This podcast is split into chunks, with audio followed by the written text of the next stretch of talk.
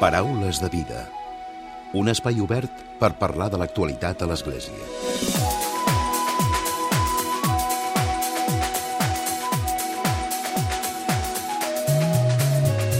Què tal? Salutacions i molt bon dia, molt bon diumenge. Avui el nostre convidat és el sacerdot de la Congregació del Sagrat Cor, Fernando Cordero. Quan va esclatar la pandèmia de la Covid el mes de març de l'any passat, ell va decidir posar en marxa un canal d'entrevistes a través del YouTube amb el títol Cruzando Fronteres, un espai amb prop de 700 subscriptors a dia d'avui, a través del qual en Fernando Cordero entrevista persones rellevants de l'àmbit eclesial, social, cultural i del pensament.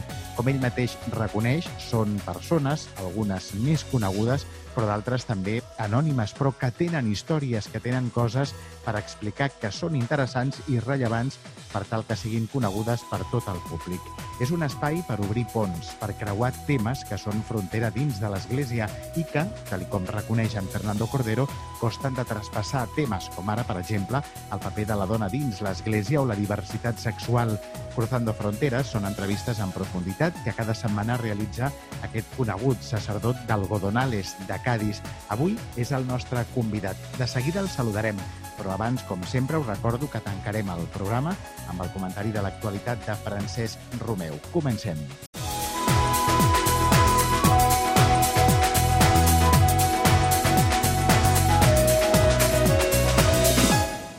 Paraules de vida amb Emili Pacheco. Fernando, bon dia i benvingut al Paraules de Vida.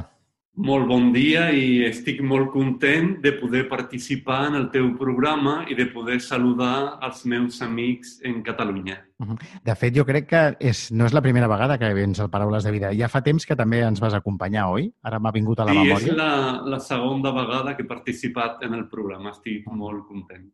Doncs avui hem convidat al Fernando, com heu sentit a la nostra portada, per parlar del seu canal de YouTube, en aquest cas un canal de YouTube que té per títol Cruzando Fronteres, i ara ell ens explicarà una mica quin és eh, l'objectiu d'aquest canal, que de fet ja va per més de, de 600 subscriptors. Suposo que eh, estàs content, ¿no, Fernando, de l'acollida? Sí, la verdad que estoy bastante sorprendido de la acogida.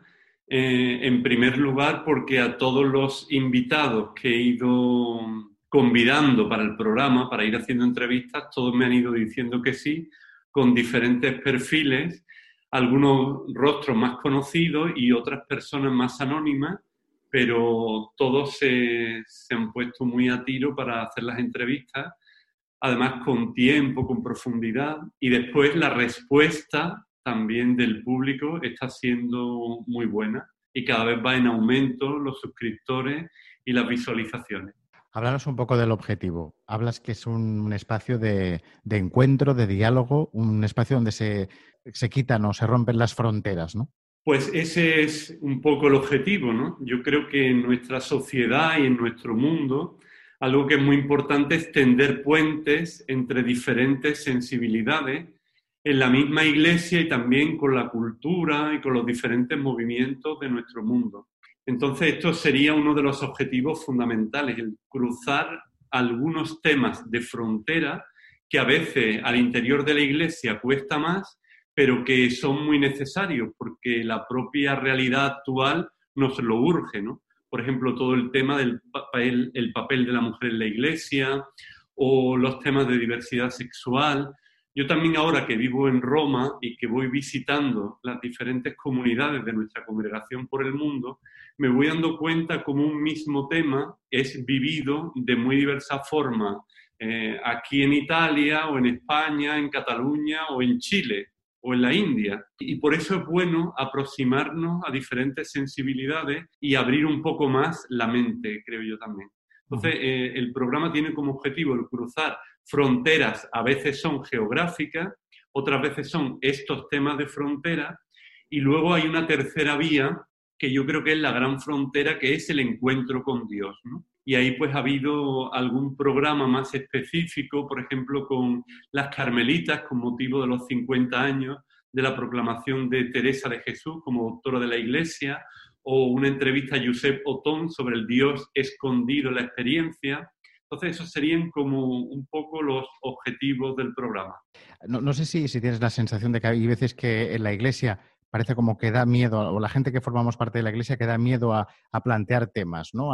Hay temas que, están en la sociedad, que no se pueden obviar, que no se pueden mirar hacia otro lado, ¿no? Y que entonces hay miedo a hablar claramente sobre determinados temas, independientemente de la postura que se, que se tome, pero hablar, ponerlo sobre la mesa. Yo creo que sí, en realidad a mí toda esta motivación por este programa vino porque la primera parte del confinamiento yo pasé cuatro meses en Chile en el que hay muchas revueltas sociales, la iglesia está muy cuestionada y los jesuitas me pidieron colaboración para una serie de artículos sobre cómo la iglesia está comunicando en este tiempo de pandemia. Entonces a mí la sensación que me daba es que mm, la iglesia estaba produciendo muchas misas, muchas eucaristías, pero hacía falta también otro tipo de, de espacio, más de diálogo, espacios formativos. Yo creo que se pueden hacer muchas cosas con las nuevas tecnologías. Y mm, yo también tenía la inquietud de poder tratar algunos de los temas, de estos temas de frontera, pues de una manera más abierta, desde el diálogo, no desde la confrontación, y empatizando un poco con, los invitados. Y entonces me parece que, que, eso es muy bueno porque a veces nos da miedo entrar en algunos temas como por ejemplo el tema del papel de la mujer en la iglesia o el tema de la ordenación sacerdotal o el tema del matrimonio homosexual, o sea, hay una serie de temas, o de la unión homosexual, ¿no? hay una serie de temas como que da un poco de, de, miedo tratarlos y desde luego tratarlos en los medios. Pero por otro lado te das cuenta que hay muchas personas que están deseando escuchar o se sienten, como diría el jesuita José María Rodríguez Olaizola, que también estuvo en el programa, en Tierra de Nadie, en Tierra de Nadie, que en el fondo es un poco la tierra de todos, porque estamos también en un mundo con mucha desorientación en algunos aspectos y yo creo que, el poder dialogar ayuda y el poder eh, tener una panorámica mucho más amplia. De hecho, son temas los que ahora tratabas, que los que has tratado en tu canal en Cruzando Fronteras, que son temas candentes, ¿no? Temas que están eh, ahí en la sociedad. Pues sí, son temas, eh, temas candentes. Por ejemplo, entrevisté a un recién elegido obispo allí en Chile y, y, claro, yo me daba cuenta del miedo que hay por parte de la propia iglesia en Chile y en otros países, ¿no? De estar en contacto con los medios, de poder manifestarse. Entonces, el que hay un espacio con una cierta serenidad, de respeto, en el que se puedan hablar los temas, pero tratando los temas en toda su, o la mayor parte de su complejidad, pues eso es muy bueno. Y muchas veces tenemos medios propiamente de iglesia, pero que tienen un tiempo muy limitado. Y gracias a Dios, un canal de YouTube, como esto es un canal gratuito, libre, y el objetivo es comunicar, unir, y, estar cerca unos de otros, pues entonces hay una parte que es muy fácil también. Entonces, podemos decir que el confinamiento a ti te cogió en Chile, que a partir de ahí es cuando empiezas a, gestar el, proyecto, la idea. Pues mira, la idea se gestó eh, un día que conocí en medio del confinamiento allí al que fue cartero de Pablo Neruda. Y entonces, pues hablando con él, otro compañero dice, ¿por qué no le hace una entrevista a este señor? Y digo, pues la verdad es una buena idea. Así que le hice la entrevista con el móvil y después yo pensando me iba diciendo, yo que ahora tengo oportunidad de viajar por muchos lugares del mundo y por zonas de mucha pobreza, pues quizá podría también dar voz a personas que no tienen voz. y también me voy encontrando muchas historias que, que son dignas de ser contadas. Y por otro lado, yo me veía, hasta ese momento, a mí es que Chile me ha revolucionado internamente. Y hasta ese momento yo decía que, claro, que yo era, hombre, creo que buena persona o un buen religioso, un buen sacerdote, pero yo en algunos temas no me había metido. En realidad, pues quizá, no sé, quizá por un tanto de miedo, porque no se hace, porque no... Y yo decía, bueno, ¿y yo por qué no puedo hacer esto? Y después me he dado cuenta de que es mucho más fácil de lo que a veces podemos pensar porque en realidad tanto los participantes como eh, los que siguen el canal, pues luego interactúan mucho a través de los comentarios de las propias redes sociales. O sea que en el fondo yo creo que este paso ha sido, ha sido bueno, eh, ha sido también algo respetuoso, pero yo me he removido un poco internamente también, porque claro, a veces yo también tenía un poco de miedo a ver por dónde salía la cosa, ¿no? Pero en general estoy, estoy muy contento, sí. Pero como dices, recibes ese feedback, ¿no? De, la gente, de la audiencia que te, que te sigue. Sí, pues la verdad que sí, que... Y luego los mismos, yo creo que el gran regalo también es el encuentro con el entrevistado. La parte de la entrevista, pero luego el prepararla y cuando ya se cierran los micrófonos, ¿no? pues igual que entrevistas a alguien o que es agnóstico, que tiene algún problema o algún... Y alguno o alguna incluso me han dicho, bueno, a ver si después rezas por mí o... O sea que hay cosas bonitas también, ¿no? Hay muchas anécdotas que yo creo que es un encuentro entre personas y eso creo que en el fondo pues se transmite. ¿Te pones límites de decir, pues a tal persona no entrevistaría o, o a tal eh, gente de un determinado país, de cualquier cosa, algún límite? Bueno, como esto es cruzando fronteras, precisamente no me pongo límites, sino que, que yo mm, también como tengo mucha libertad a la hora de entrevistar mm, y voy pensando y voy también estando atento a la realidad, pues mm, se me van inspirando nombres y temas y entonces me van surgiendo y gracias a Dios como periodista en los últimos años, también al haber estado en la revista 21, pues tengo muchos contactos y, o en realidad personas que conocen a otros y entonces es muy fácil poder contactar. Y luego cuando ven también el, el estilo de programa. Después también he de decirte, Emily, que me han sorprendido porque ya en los primeros programas, estando todavía en Chile, recibí a través del Facebook un mensaje de la editorial Fragmenta, que habían empezado a ver el programa también. Entonces me dijeron que si me gustaría pues, hacer alguna entrevista de algún libro que, me llamara la atención de la editorial. Y en ese sentido, pues eh, ya he hecho alguna entrevista también de Fragmenta, bueno, también de otras editoriales. La verdad que tengo muchísima libertad. Pero es muy bonito poder hacer entrevistas de temas o de libros que te apetezcan. No, que te, decía que son amigos nuestros también, también eh, suelen ser eh, invitados de, habituales del, del Parábolas de Vida. Sí, la verdad que, yo creo que también es una editorial muy seria y que ofrece unos libros que son muy cuidados y también con autores realmente interesantes. Así que, he ido ya pues hasta Alaska con los esquimales, por ejemplo, con Fragmenta. ¿Cuánto, ¿Cuánto hace? ¿Empezaste en el confinamiento, marzo, abril? Bueno, empecé en junio, en junio, casi a finales de junio, sí. Sí, sí, sí. Que tenía problemas, claro, con la conexión Wi-Fi allí en Chile y tal, pero bueno, se fue solventando con paciencia y con... Lo haces a nivel, no sé si tienes alguien que te ayude o tú lo haces directamente a través de Internet con la conexión, eh, con el YouTube, eh, tú lo configuras y lo...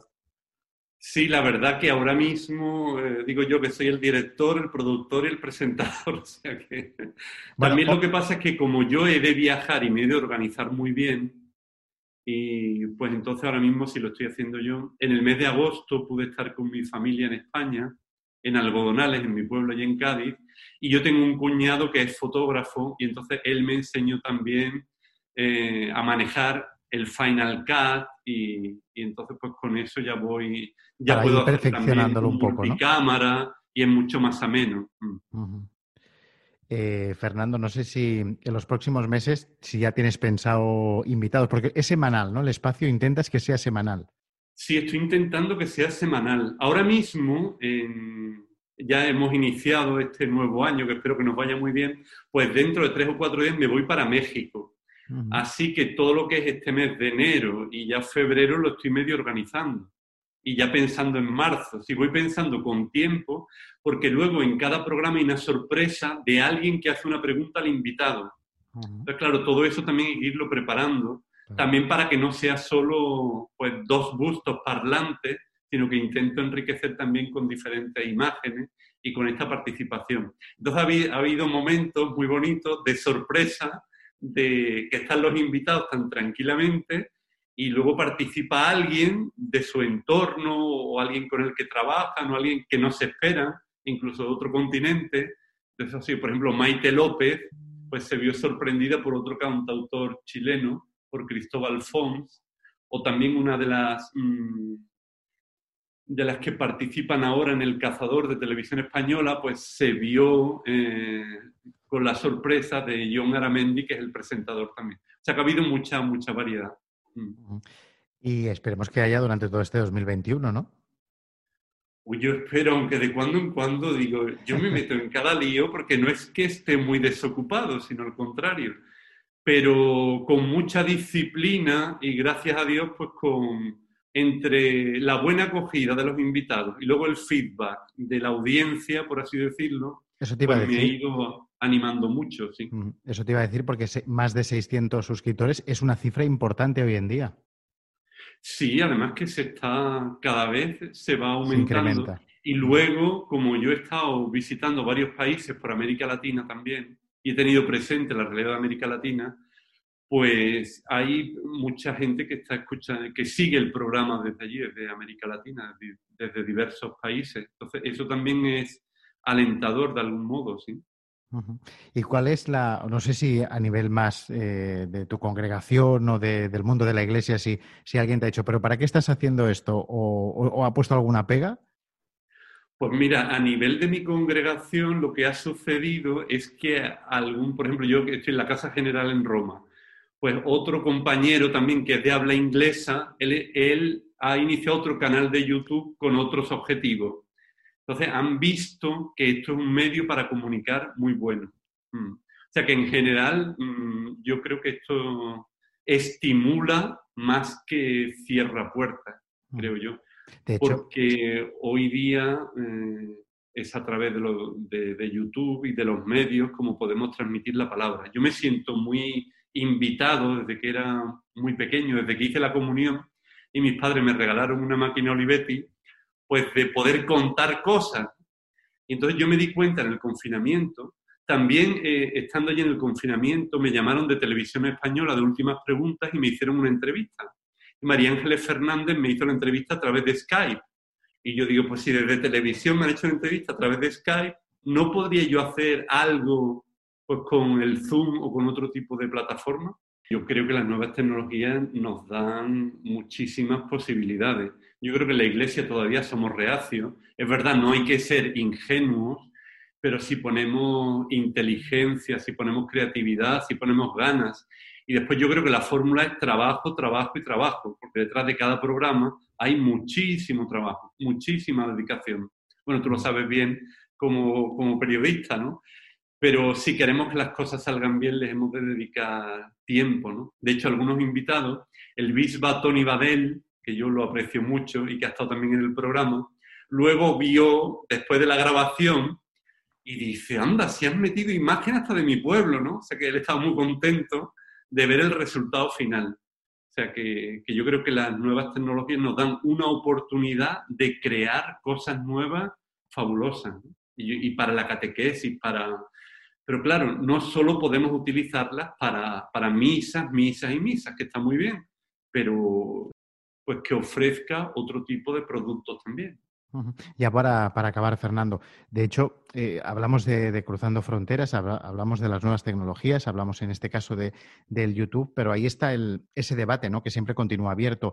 Yo creo que, la Iglesia en estos últimos años ha dado muchos pasos en, esa dirección, ¿no? en saber aprovechar, de hecho hasta el mismo Papa lo ha dicho, ¿no? que hay que aprovechar las, las redes sociales, las nuevas tecnologías para, para, y todos los beneficios que, eso aportan, ¿no? Pero quizás es un camino lento, ¿no? Pero que cada vez más la Iglesia sí que está concienciada y sabe que tiene que comunicar y que tiene que estar presente en estos canales.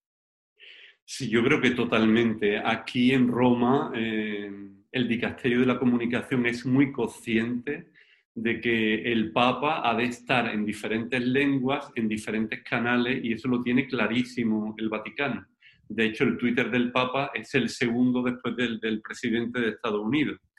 Entonces, mm, esto es eh, el presente y el futuro, y tenemos que estar aquí. Y después podemos ser libres a la hora de dar voz a aquello que realmente queremos dar voz. Yo muchas veces pues, intento que ciertos temas o ciertas personas más anónimas o cierto libro que igual está más escondido, ¿no? Pues poderlo sacar, poderlo comentar, poderlo... Yo creo que son unas herramientas muy, muy interesantes. Fernando, gracias. como siempre, por acompañarnos en el Parolas de Vida. Molta sort amb aquest 2021 i aquest canal, el Cruzando Fronteres, que des d'aquí també nosaltres el recomanem i fins aviat. Estic molt, molt agraït per aquesta participació i per l'oportunitat de poder parlar en català, que trobo a faltar molt eh, el català i Catalunya. De hecho, tú tienes tu experiencia. Tú tienes tu experiencia catalana. Sí, eh, cuatro años y después parte de mi infancia también en Cataluña. Sí. Una abrazada, Fernando. Una abrazada ben forta. Paraules de vida. Segueix-nos a Facebook i Twitter. Arroba Paraules de vida. I tot seguit, com sempre, arriba el comentari de l'actualitat de Francesc Romeu. Francesc, molt bon dia. Molt bon dia a tothom. Diumenge passat, el papa francès va enviar una carta en format de motu proprio, és a dir, de reforma legislativa, al prefecte de la Congregació per la Doctrina de la Fe, el cardenal jesuïta i mallorquí Lluís Ladaria, per tal que, a partir d'ara, es corregeixi el primer paràgraf del cànon 230 del Codi de Dret Canònic i s'accepti l'accés no només dels homes, com deia fins ara, sinó també de les dones pel Ministeri del Lectorat i Aculitat en les accions litúrgiques. Això és, per llegir les lectures, per ajudar al servei de l'altar i per donar la comunió. Amb aquest text legislatiu titulat Spiritus Domini, el papa estableix, per tant, que les dones poden accedir a aquest ministeri i que se'ls impartirà també mitjançant un acte litúrgic que les institucionalitza.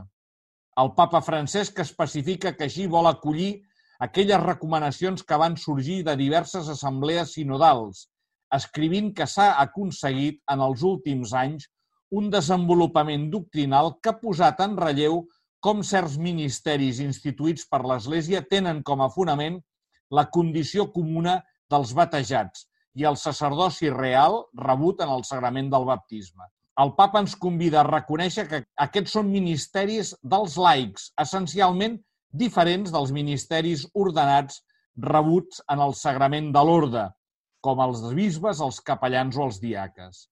En el text, el papa explica que en l'horitzó de renovació traçat pel Concili Vaticà II hi ha un creixent sentit d'urgència avui de redescobrir la corresponsabilitat de tots els batejats en l'Església i, en particular, la missió dels laics. I citant el document final del sínode per l'Amazònia, observa que per tota l'Església és urgent que els ministres siguin promoguts i conferits a homes i dones. És l'Església dels homes i dones batejats la qual hem de consolidar promovent la ministerialitat i, sobretot, la consciència de la dignitat baptismal. El papa Francesc, en la seva carta al cardenal, després de recordar les paraules de Sant Joan Pau II que pel que fa als ministeris ordenats de l'Església no té en absolut la facultat de conferir l'ordenació sacerdotal a les dones, afegeix que pels ministeris no ordenats és possible i avui sembla oportú superar aquesta reserva. El papa explica que oferir als laics d'ambdós sexes la possibilitat d'accedir als ministeris de qualitat i lectorat en virtut de la seva participació en el sacerdoci baptismal augmentarà el reconeixement també a través d'un acte litúrgic institucional de la preciosa contribució que des de fa temps moltíssims laics, inclosos les dones, ofereixen a la vida i a la missió de l'Església. I conclou que la decisió de conferir aquests càrrecs que impliquen estabilitat, reconeixement públic i mandat del bisbe també a les dones fa més efectiva la participació de tots en la tasca d'evangelització de l'Església. Permeteu-me fer alguns comentaris. Primer de tot, potser algú pensarà que ell ja havia vist a l'Església dones que llegeixen o que donen la comunió. Certament, això ja ho preveu el mateix cànon 230 del Codi de Dret Canònic, quan ja accepta que qualsevol laic, home o dona, pot ajudar, no com un ministeri, sinó com un servei, a llegir les lectures, donar la comunió, presidir pregàries litúrgiques o administrar el baptisme.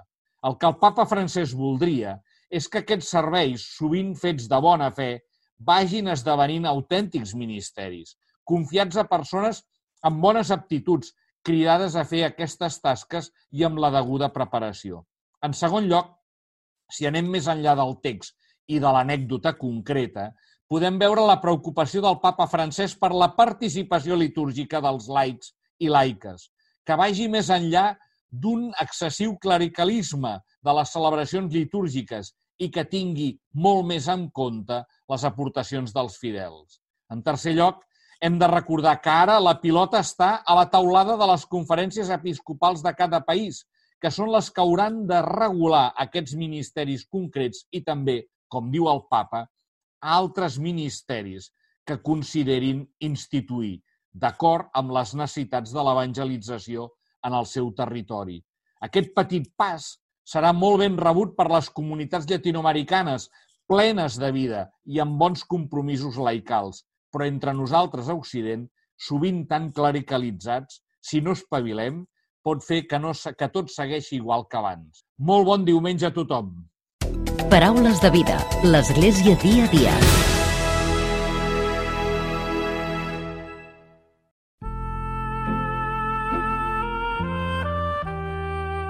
Us oferim la carta dominical de l'arcabisbe de Barcelona, Joan Josep Omella.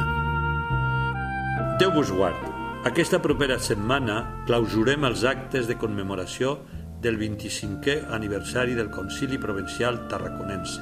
Ho fem amb la voluntat d'insistir en l'aplicació dels seus principis i intuïcions i reprendre la tradició sinodal tarraconense. Va ser una assemblea conciliar formada pels bisbes de les vuit diòcesis que integraven aleshores la Conferència Episcopal Tarraconense i va comptar amb la participació d'un gran nombre de preveres, diaques, consagrats i laics d'aquestes diòcesis. El concili es va inaugurar a la Catedral de Tarragona el 21 de gener de 1995. Va comptar amb 32 sessions conciliars ordinàries i el 4 de juny del mateix any es va clausurar a la seu tarragonina. La celebració d'aquest aniversari ha coincidit amb uns moments de gran dificultat pels embats d'una crisi econòmica i social provocada per la pandèmia de la Covid-19. Malgrat tot, ha estat una oportunitat per seguir consolidant sense por els objectius del nostre Concili Provincial Tarraconense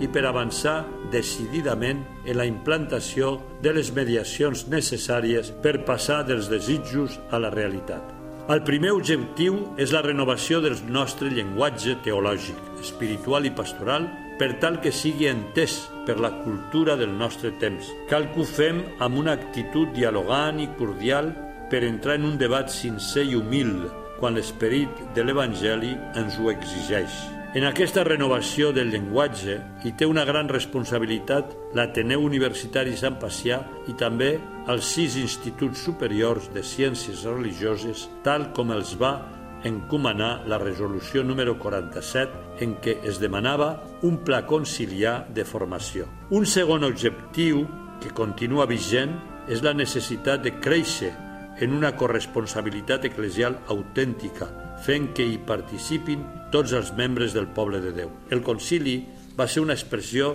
de sinodalitat en la qual el papa Francesc persevera avui. Aquesta sinodalitat passa per promoure el protagonisme dels laics, cosa que no qüestiona la responsabilitat pastoral dels ministres ordenats.